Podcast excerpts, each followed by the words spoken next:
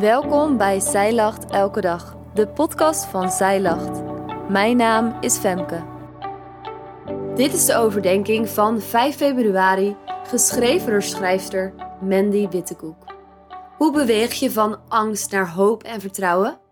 Als je na de overdenking van gisteren je angst hebt uitgesproken, hoe ga je vandaag dan verder? We kijken naar de volgende versen van Psalm 3. Wat kunnen we leren over het hebben van hoop en vertrouwen als je angst ervaart? Gisteren lazen we in de eerste drie versen hoe angstig David zich voelde. Zijn zoon staat hem naar het leven en mensen vrezen zelfs voor het behoud van zijn ziel. En vervolgens zegt hij het volgende. U, echter, heren, bent een schild voor mij, mijn eer. U heft mijn hoofd omhoog.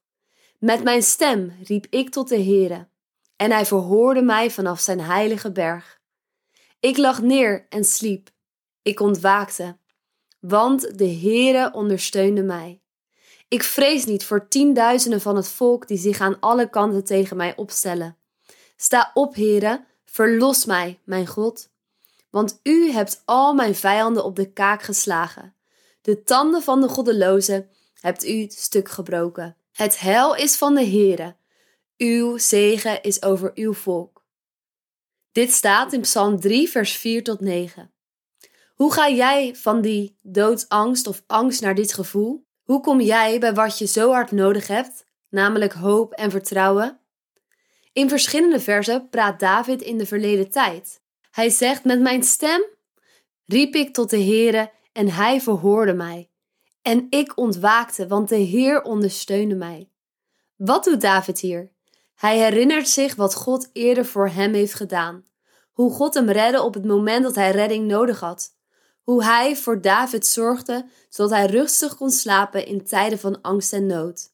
David vraagt hier aan zichzelf: Weet je nog wat de Heer voor je heeft gedaan? Weet je nog hoe hij je redde?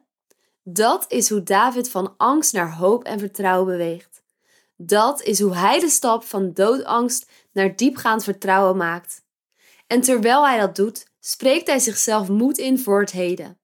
Hij vreest niet voor de tienduizenden die nu voor zijn deur staan, omdat hij weet dat de Heere hem in het verleden heeft ondersteund en gered. Wat David hier doet, zou een therapeutje kunnen aanraden. De angst is er, ja, maar wat is er nog meer? Wat is er naast die angst ook waar? Op 14 februari start de 40 dagen tijd.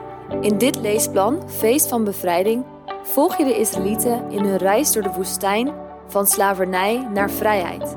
En je ontdekt samen met de eerste volgelingen van Jezus over het leven in Gods koninkrijk. Wil jij meer toeleven naar Pasen? Bestel dan dit 40 dagen tijd leesplan via onze webshop. Dankjewel dat jij hebt geluisterd naar de overdenking van vandaag. Wil je de overdenking nalezen? Check dan onze website. Je vindt er ook meer toffe dingen die jou helpen om de Bijbel vaker te openen, zoals boeken, Bijbels, cursussen en evenementen. Morgen ben ik weer bij je terug met een nieuwe overdenking. Tot dan!